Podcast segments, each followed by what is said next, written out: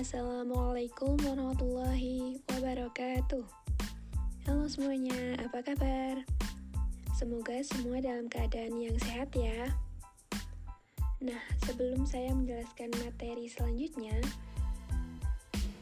mari kita review dulu yuk materi yang telah kita pelajari pada pertemuan sebelumnya. Pada pertemuan sebelumnya, kita belajar terkait dengan penjelasan tentang praktik perlindungan dan penegakan hukum dalam masyarakat untuk menjamin keadilan dan kedamaian. Nah, kira-kira teman-teman masih ingat gak ya apa itu yang dimaksud dengan perlindungan hukum?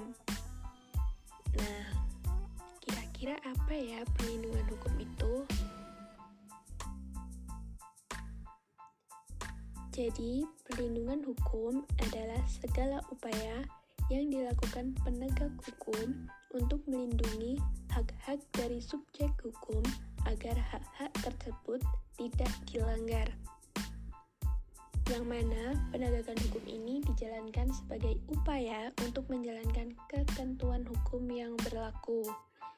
Nah, teman-teman sudah ingat belum? Jadi itu ya penjelasan terkait dengan penegakan hukum yang telah kita pelajari di pertemuan sebelumnya.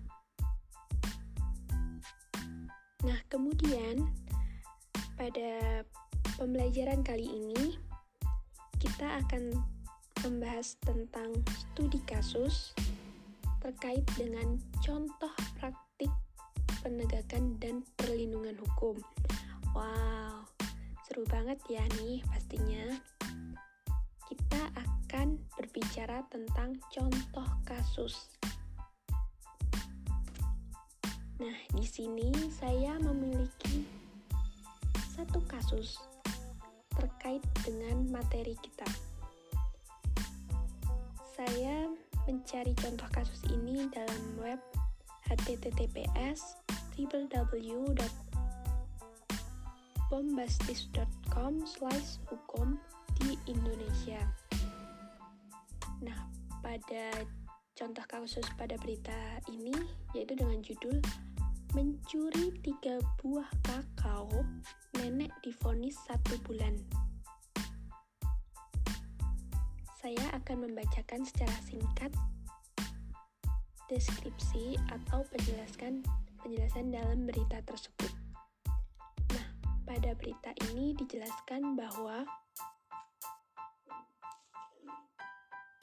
Bukti hukum di Indonesia tajam ke bawah adalah saat seorang nenek bernama Minah, warga Aji Barang, Banyumas, Jawa Tengah, pada Kamis 19 November 2009 di persidangan di Pengadilan Negeri Purwokerto, Jawa Tengah.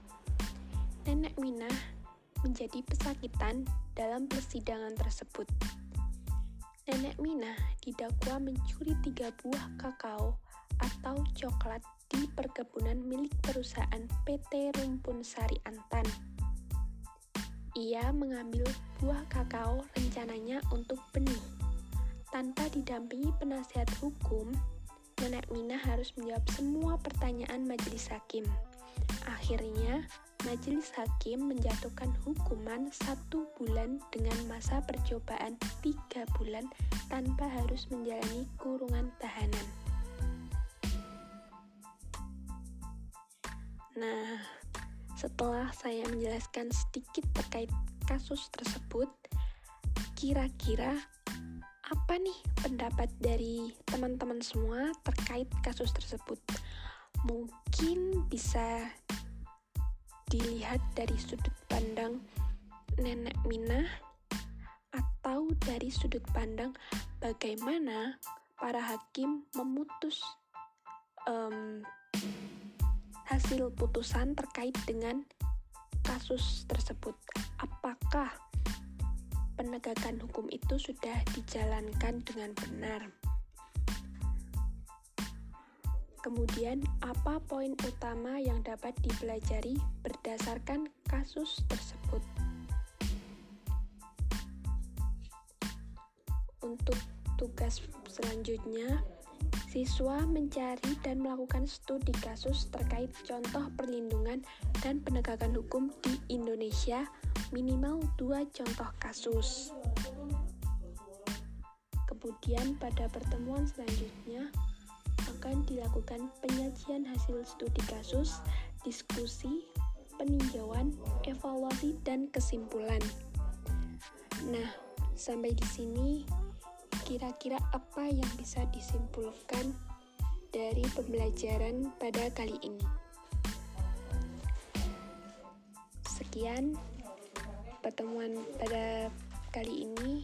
Wassalamualaikum warahmatullahi wabarakatuh.